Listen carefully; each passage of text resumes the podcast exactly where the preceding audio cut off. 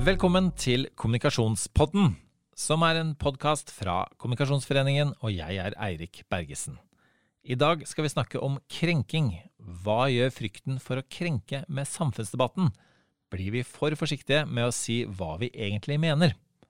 Vi snakker med Hanne Lene Dahlgren, en frittalende aktivist innen vegetarmat, og mottaker av en stadig strøm av krenkede tilbakemeldinger. Kjersti Løken Stavrum er leder for Ytringsfrihetskommisjonen, som jobber hektisk med sin rapport om status for debattklimaet vårt. Hun kommer innom studio for å si noe om kommunikasjonsfolks ansvar. Da vil jeg få ønske velkommen Hanne Lene Dahlgren. Tusen takk.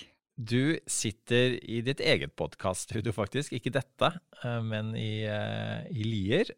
Ikke så kjempelangt unna. Og grunnen til at du sitter eh, Grunnen til at du har ditt eget podkaststudio, er at du driver en podkast som heter En skikkelig digg fremtid, og du er vegetarentusiast. Ja, veldig stolt vegetarentusiast. Og du er så entusiastisk at det har det blitt to kokebøker av. Mm. Du er på, på Instagram, 35 000 pluss, følger Hanne Lenes Vegetar der. Du lager veldig mange episoder eh, av podkasten. Ja. Eh, og du har rett og slett veldig store og ambisiøse mål på vegne av nasjonen. Eh, og når det gjelder eh, hvor mye eh, grønnsaker vi skal spise, Ja. og hvor mye mindre kjøtt vi skal spise. ja, målet er 30% ned innen 2025 av kjøttforbruket i Norge. Det er det jeg selter alle mine si, strategiske valg opp mot. Kommer det til å få ned kjøttforbruket mye eller lite? Og det er sånn jeg velger ut hva jeg skal gjøre. Og, og, det å være vegetarentusiast, det er um, provoserer en del mennesker. Eh, gitt at mat er jo er en veldig personlig ting. Mhm. Det er mye tradisjoner forbundet med det, folk er redde for jobben osv. Det er ikke bare positivitet du får din vei. Nei, Um, det er stort sett best positivt, det er det. Men det spørs veldig i hvilket fora. Uh, det er ikke så veldig mange som oppsøker meg på Instagram og slenger dritt. Uh, men hvis jeg Altså, jeg har ganske mange meninger, og jeg er ikke konfliktsky. Så hvis jeg er ute og debatterer noe, eller er i litt landbruksgrupper på Facebook osv., så, så så kan jeg jo få en del meldinger som, eh, som ikke akkurat ønsker god jul, da, kan du si. Nei, og, og mange har lagt merke til deg, og enda flere igjen eh, la nok merke til deg på Dagsrevyen her eh, nylig. Eh, og hva, hva slags eh, meldinger får du etter et sånt eh, innslag? Da får jeg eh, Jeg får en del i innboksen min av litt de samme type profilbildene, vil jeg si. Det er veldig mye Jeg holdt på å si eldre menn med høygafler, men liksom ikke så flåsete kanskje, men du skjønner hva jeg mener. Eh, og hvor jeg egentlig får høre litt sånn Hør nå her, unge dame. Du har ikke skjønt en dritt. Og spesielt når det kommer til klima. For da er det at eh, da kommer de med ja, disse konspirasjonsteoriene sine, eller så kommer de med argumenter som for så vidt har noe for seg, men som ikke alltid ser hele bildet til forskerne, da. Eh, og siden jeg har en analytikerbakgrunn og har jobbet mye med forskning og det å lese data i mitt liv, det er liksom det jeg har gjort, så, um, så er det ganske lett å, å kontre det, da. Med at jo, men det er greit at karbonbinding i beiteområder er sånn og sånn. Men hadde vi latt det gro helt igjen, så hadde det bundet mer karbon. Eh, det, ja. Og da provoserer jo det selvfølgelig, for da kommer jo lille frøkna, som jeg ofte også kalles, og skal liksom lære opp de eldre, da. Det er jo ikke populært.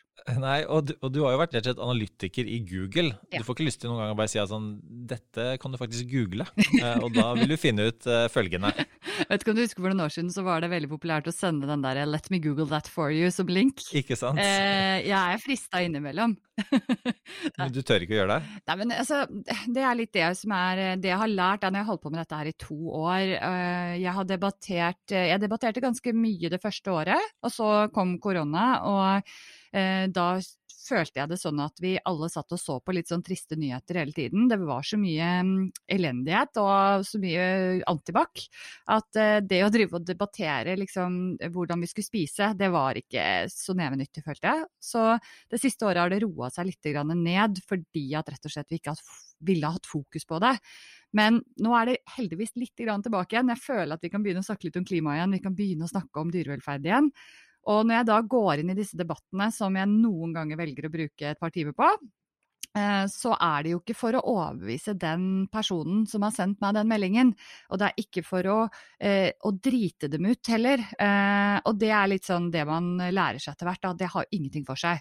Men hvis jeg skriver i et kommentarfelt, spesielt på kanskje NRK-artikkelen som ligger ute om meg, som da den får liksom 1000 kommentarer, hvor 900 av de handler om hvor dust jeg er. Og da skriver jeg på de som jeg føler at det er viktig å liksom bare rette opp en faktaopplysning og så skriver jeg da for de som leser. Eh, nå vet ikke jeg statistikken på det, men jeg er rimelig sikker på at det er under 1% som kommenterer i kommentarfeltet, og 99% leser. Så det er de man liksom skal være ute og mene noe for, ikke for å overbevise trollene, for å si det sånn. Nei, og det er kanskje ikke en stille majoritet du treffer på i kommentarfeltene. Nei. Men du nevnte at eh, du, at du har gjort dette her eh, profesjonelt eh, i to år. Mm. Dvs. Si at du sluttet i jobben din i Google, drømmejobben din, ja. har du omtalt det som, ja. Eh, for, for, å gjøre, gjøre dette på, på heltid. Eh, men, og, og, dessverre for deg så skal vi ikke fokusere på all den positiviteten du får. Eh, for det, dette er jo en krenkeepisode. Ja. Vi skal snakke litt om måte, hva det gjør for ytringsklimaet vårt. Men blir du overrasket over hvor krenket folk blir? Ikke lenger nå, eh, men jeg var nok det i starten. Eh, og jeg lot meg mye mer provosere. For jeg ble litt sånn Men herlighet, du kan da ikke mene det, ikke sant? Altså, jeg kan, jeg kan få kritikk for at jeg ikke ønsker dyrene liv. Så er det sånn Ja, men det er jo ikke jeg som dreper dem etter seks måneder og spiser dem opp. Altså, så du, du, skjønner at argumentene For det første så handler det ikke om meg når de gir kritikk. Eh, de gir kritikk på bakgrunn av De hater eliten, de hater Oslo, de hater i hvert fall MDG-ere, uten at jeg noensinne har proklamert hvem jeg stemmer på, men det blir liksom, den båsen er jeg i.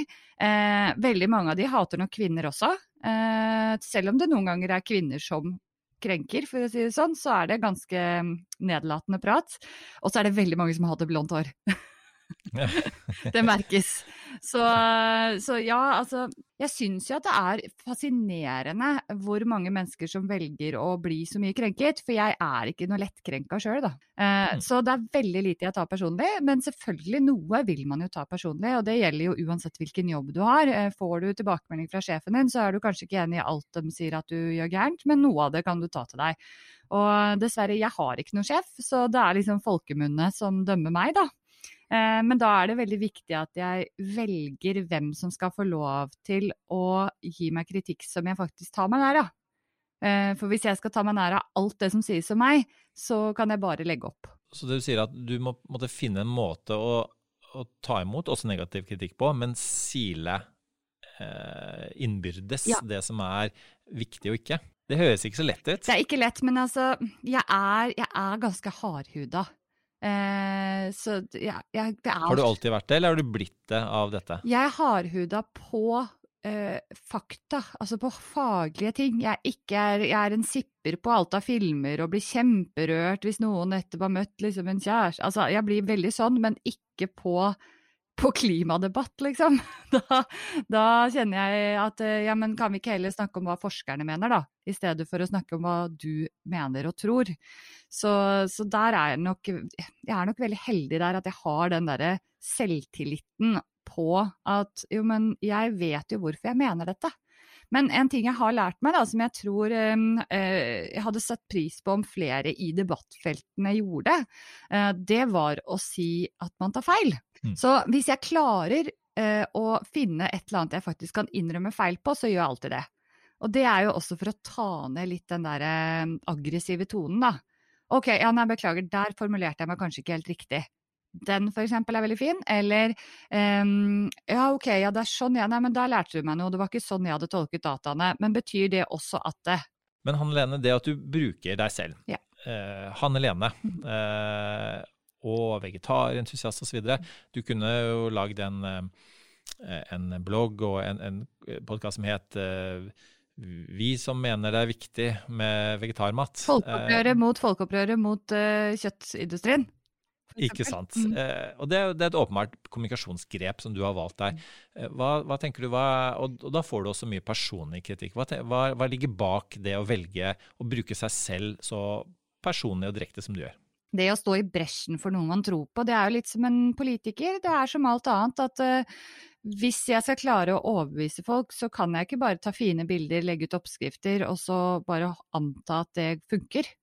Eh, for det, jeg er ikke verdens beste på å lage mat, jeg er ikke verdens beste på, på så veldig mye annet enn at jeg er ganske god på å kommunisere.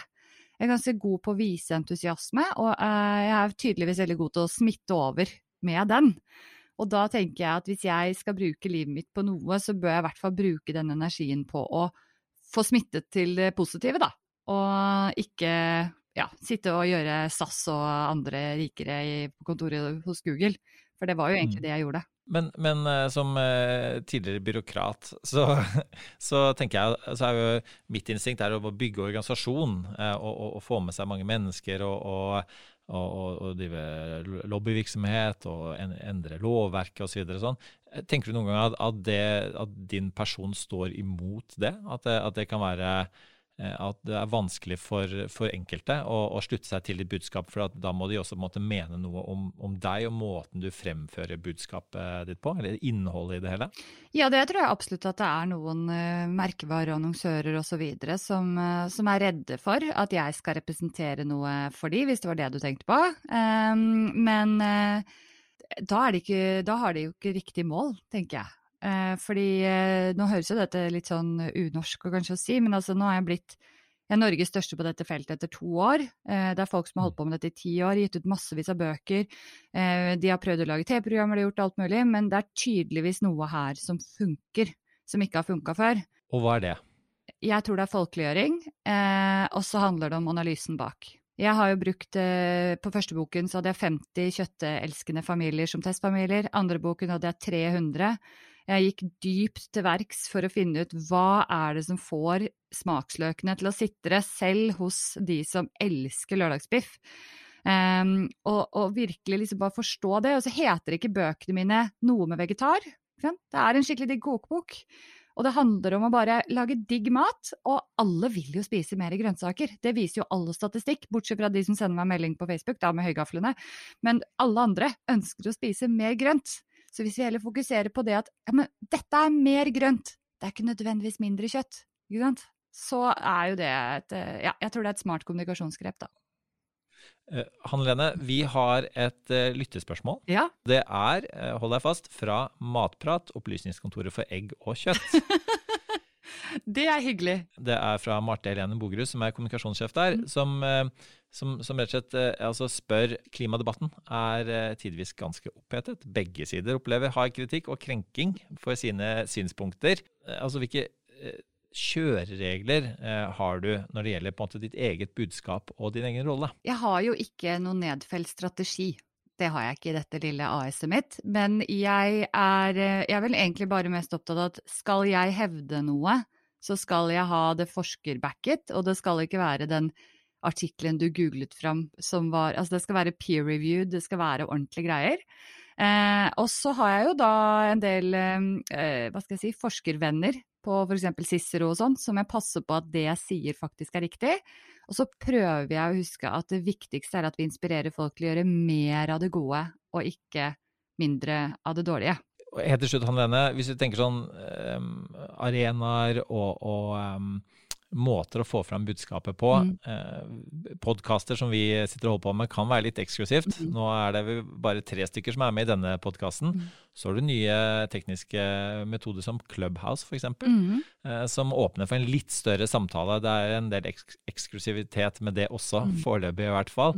Um, men eh, er du der? Eh, er det et sted du anbefaler eh, kommunikatører å få fram sitt budskap, og dele ikke minst med andre som er opptatt av det samme? Jeg tror Clubhouse er et utrolig spennende si, framtid foran seg. Jeg drev og researcha i går om det gikk an å få tak i noen aksjer i noen underselskaper og sånn, for øvrig. Men Det er entreprenøren Hanne Lene? Ja ja, selvfølgelig. Du må jo tenke det. Og ja, apropos det, bare å investere i de som faktisk bidrar til en bedre verden. Viktig. Men jeg jeg er jo gammel eh, Google-dame, så Androiden min den eh, får du ikke ta fra meg. Og Clubhouse er foreløpig bare for iPhone, men jeg klarte nå å rote fram en gammel, veldig veldig knust eh, iPhone-skjerm her. Så jeg logget meg på forrige uke etter mye mas fra Astrid Valen Utvik, faktisk, som var sånn Han Lene, dette er det perfekte nettverket for deg. Eh, og det er jeg faktisk ganske enig i, for det er utrolig spennende. Fikk med meg en veldig spennende paneldebatt som jeg var med i også eh, forrige uke, så vi skal ha det hvert, hver uke. En sånn som er en bærekraftsgjeng. Veldig, veldig spennende. Eh, og jeg tror at hvis markedsførere skal kaste seg på, så bør de prøve å tenke på hva folk har lyst til å snakke om, ikke hva dere har lyst til at uh, dere skal si. For det tror jeg er veldig mange som kommer til å gjøre feil på den uh, plattformen der. At det bare å, men da har vi et event, og så kan vi si alt vi har lyst til å si. For da kommer sikkert folk å høre på. Men det er jo ikke det det handler om. Der handler det om å få folk til å snakke sammen. Og det tenker jeg jo altså, ref eh, spørsmålet til matprat, det bør vi jo jobbe litt for. At vi kan snakke litt mer sammen, og ikke bare til. Det høres ut som et uh, godt uh, tips, Hanne Lene. Tusen takk for at du var med oss i podkasten vår. Takk for at jeg fikk komme. I år blir kommunikasjonsdagen digital, og vi har fordelt innholdet over tre dager. Du får verdifull innsikt i temaene hverdagen etter korona, valgåret 2021 og bærekraft og måling. Meld deg på, og gled deg til tre dager med inspirasjon og faglig påfyll. For mer informasjon, se kommunikasjon.no. Velkommen i studio, Kjersti Løken Stavrum. Takk skal du ha. Du er leder for Ytringsfrihetskommisjonen. Du er også eh, administrerende direktør i stiftelsen Tinius, som er den kontrollerende eieren i Skipsted. Du er styreleder i Norske Penn, eh, som er den norske avdelingen av verdens største ytringsfrihetsorganisasjon. Og så er det mange som kjenner deg som tidligere generalsekretær i Norges Presseforbund. Så ingen er bedre egnet eh, enn deg til å snakke om krenking, hva det gjør med, med, samfunnsdebatten, og på hvilken måte kanskje det rett og slett innskrenker ytringsfriheten. Så tenkte jeg skal bare begynne Kjersti, med det utgangspunktet at mange blir krenket i våre dager. Vi har snakket med eh, Hanne Lene Dahlgren, som, eh, som eh, er vegetarentusiast. Og det skaper mye krenking både når det gjelder klima, mat eh, og, og, eh, dyr krenkes folk for lett i våre dager? Altså, det vet jeg jo ikke. Men det jeg vet, er at krenking er et ord som, som noen bruker veldig mye, og som har blitt en kjempestor sekk. Og jeg tror du oppi der så finner du engasjement. Du finner irritasjon, du finner provokasjon, og du finner sikkert også en god del såra følelser. Men jeg er ikke sikker på om det primært er såra følelser oppi den sekken. Men, men, den er jo Krenket er jo noe du egentlig ikke bruker om deg selv. Det er no, noe en kan bruke om en annen, og, og, derved på en måte redusere engasjementet til noe som er eh, litt uh, stusslig eller litt, eh, litt feil. Men eh, ja, nei, jeg er ikke så veldig glad i den, hele den krenkesamtalen, egentlig. Nei, og det er jo for sikkerhets skyld eh, premisset for eh, hele podkastepisoden vår. ja. Eh, men er det noe med begrepet krenking som, som, ikke funker så godt? Kan det erstattes med andre ting? Jeg tror man, I den grad man bruker det om andre, så tenker jeg at man kan bare trekke pusten og se om det er en mer presis betegnelse på mener, hvilken følelse man tror har oppstått her i, i situasjonen. Og jeg syns Jeg liker jo debatt. Eh, jeg liker offentlig debatt, og det er derfor jeg er veldig opptatt av ytringsfrihet. For jeg, jeg, vil at, eh, jeg, vil at, vi skal bruke det store og det største rommet og passe på å holde det åpent, sånn at vi får så mange debatter som mulig. Jeg tror vi blir kloke av det. Men, eh, men når vi introduserer da påstanden om krenkelser, så, så, lager vi noen sånne snubletråder inn i den debatten som, og, og mye og litt angst og bekymring for at man skal eh, skape dårlig stemning, da i gamle dager så, så man, kunne man dømmes for krenkelser. Det kan man jo fortsatt gjøre, men man gjør det i mindre grad enn før. Hvorfor det? Altså, jeg tror nok vi må være enige om at når det kom til ære, så var jo det noe vi tok hadde så langt, med mye større alvor på enn det vi gjør nå. Eh, og så ble loven også endret, sånn at man ikke, blir ikke dømt lenger for ærekrenkelser på samme måte som man gjorde før. Men, men det akkurat det at loven er annerledes, og, og, straffbarheten ved det annerledes, illustrerer også at det ikke er så relevant eh, i forhold til hvordan vi opptrer eh, når det kommer til ære og faren for krenkelser. Fordi eh, og det syns jeg er illustrerende også for arbeidet i Ytringsfrihetskommisjonen. fordi vi, mange vil jo vite at vi hadde en ytringsfrihetskommisjon som leverte sin rapport ved årtusenskiftet. Mm. Det var før sosiale medier, bare så det er sagt. Eh, så, så, de hadde jo en helt annen kontekst. De skulle se på om hvorvidt ytringsfrihet var plattformnøytralt. Og så kom de med forslag om å endre paragraf 100. Og, og, og, de gjorde et, vil jeg si, et vakkert arbeid, og jeg tror vi er alle veldig stolte av det arbeidet de har gjort. Og så kommer denne kommisjonen, og jeg føler at vi går liksom rundt med verneutstyr og, og, og lupe og ser litt på åssen fungerer denne ytringsfriheten i praksis. Eh, og, og, da støter jo vi på frykt for ærekrenkelse, kanskje, da, for å dra tilbake til spørsmålet ditt.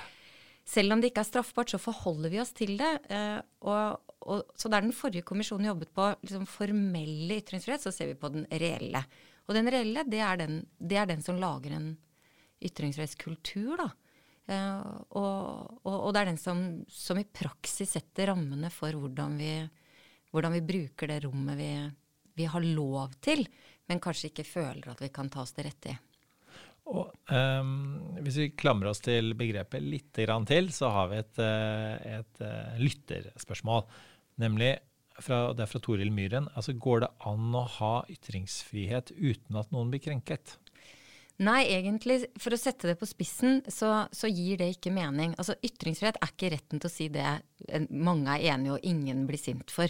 Ytringsfrihet er et randsonefenomen som, som gjør seg egentlig gjeldende først når det begynner å støte mot det som noen nettopp blir såret over, eller eller da krenket over, for å bruke dagens ord, eller, eller irritert eller provosert over.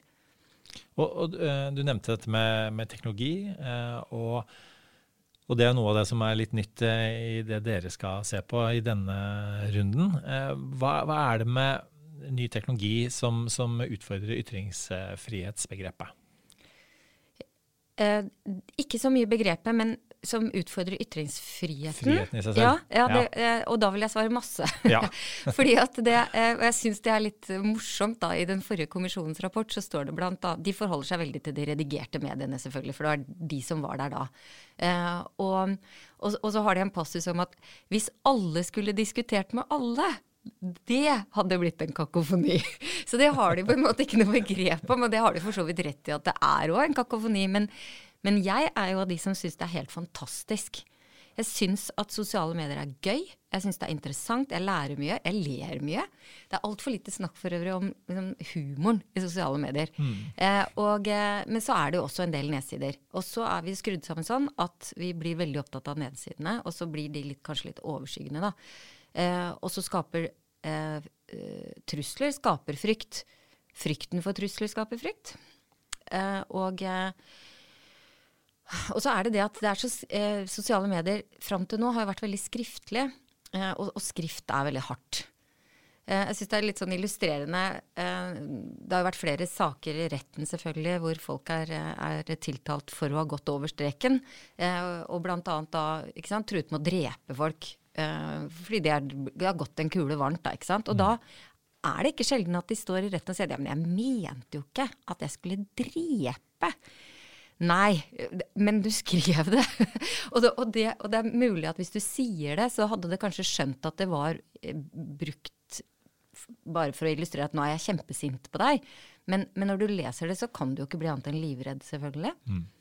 Nå fikk jo jeg kjempelyst, eh, Kjersti, til å begynne å snakke om han eh, statslederen i USA som sa noe som han mente jo ikke på den måten. Det var jo metaforisk at man skulle velte eh, regjeringen og overta makten. men, men, var det det han egentlig sa? det, det, skal vi ikke snakke om i det hele tatt, faktisk. Men, men det er noe med altså det, ja, det, det, det, ting, det man sier muntlig, Eh, og når man skriver det eh, på en muntlig måte, og, det blir stående igjen, så, så det vet vi eh, at, at, det har skapt et, tøffere klima. Men så kan man også mistenke noen, og du er jo litt på forretningssiden også innen media, mistenke noen for å kapitalisere på det. At man skaper splittelse. At det at folk er sinte på hverandre og må gå mange runder med å diskutere for å bli enige og kanskje aldri bli enige, det gir klikk og penger. Mm. Altså Den boken som kanskje er mest klar på det, er jo den til Ezra Klein, 'Why We're Polarized'. Uh, og, og, den trekker jo veldig greit opp det resonnementet. At før så levde avisen av at alle leste avisen og uh, kom til oss, les oss, uh, vi har annonser for alle. Og så endres helt betingelsene for, for, den offentlige debatten, og at det er clinch som, som skaper trafikk og engasjement. Og så har vi det gående. Um, så ja, det, der, der er betingelsene endret litt. Eh, men eh, jeg er jo ikke helt sikker på om vi er så I hvert fall ikke i Norge. Vi er ikke så polarized som, eh, som USA. Altså. Jeg er ikke sikker på om vi blir det heller, gitt. Vi skal prøve å si noe hyggelig om disse forretningsfolkene som prøver å legge til rette og tjene penger òg, for så vidt, på, på, debatt.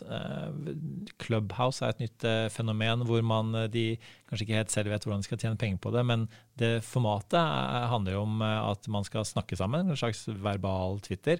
Eh, og det gjør jo at eh, ting ikke eh, blir lagret. Og, og man kan diskutere flere samtidig også. Hva tenker du om at Er du positiv og optimistisk med tanke på utviklingen innen sosiale medier? Jeg er grunnleggende positiv og optimistisk på vegne av ytringsfriheten, fordi den har aldri vært bedre enn den er nå. Og jeg tror egentlig at samfunnsutviklingen stort sett går framover, med noen tilbaketog. Så jeg er kjempe kjempehappy med at vi har fått et nytt sosialt medium som er muntlig. Det syns jeg er kjempespennende. Jeg syns det har vært irriterende lenge at LinkedIn f.eks. er så dårlig. Jeg skulle ønske vi hadde hatt flere utfordrere til de store, og da er det jo særlig Twitter og Facebook vi snakker om. fordi når vi diskuterer ytringsfrihet, så, så, så, så, graviterer vi til egentlig at vi sitter og snakker om åssen den tråden på Facebook er. Men, men, det blir for snevert, og det, eh, det, blir, eh, det blir feil fokus. Så det at det kommer nye aktører, det er veldig spennende. Mm. Eh, vi, når det gjelder konsekvensene av eh, det som, som enkelte kaller da, for krenkehysteri altså er, er, det Noen blir åpenbart eh, følelsesmessig berørt på en måte som gjør at de ikke ønsker å ytre seg. Eh, hva, hva, hva, er konsekvensene av det? Så, øh, konsekvensene av at øh, det er ikke så lett å ytre seg i arbeidslivet, uh, eh, f.eks. at man strømlinjeformer kommunikasjonen i selskapet, sånn at det er bare noen som får lov til å snakke, um, og at man ikke ser verdien av at folk får snakke i denne bedriften. Nå prøver jeg å kaste inn en brannfakkel her i denne podkasten. Det gjør jo at vi går glipp av mye informasjon. Det gjør at hvis du, hvis du har eh, kolleger som egentlig har lyst til å reflektere litt høyt over faget sitt, eh, men blir redd fordi at det kanskje er noen represalier som du ikke engang vet at du blir utsatt for, kanskje fikk du ikke den forfremmelsen etterpå, kanskje syns ikke sjefen din det er ålreit at du deltar, så går vi andre glipp av eh, klokskap og innsikt. Og så må vi ta til takke med en PR-rådgiver eller en omdømmeekspert som skal inn og liksom fortelle oss hvordan ting er.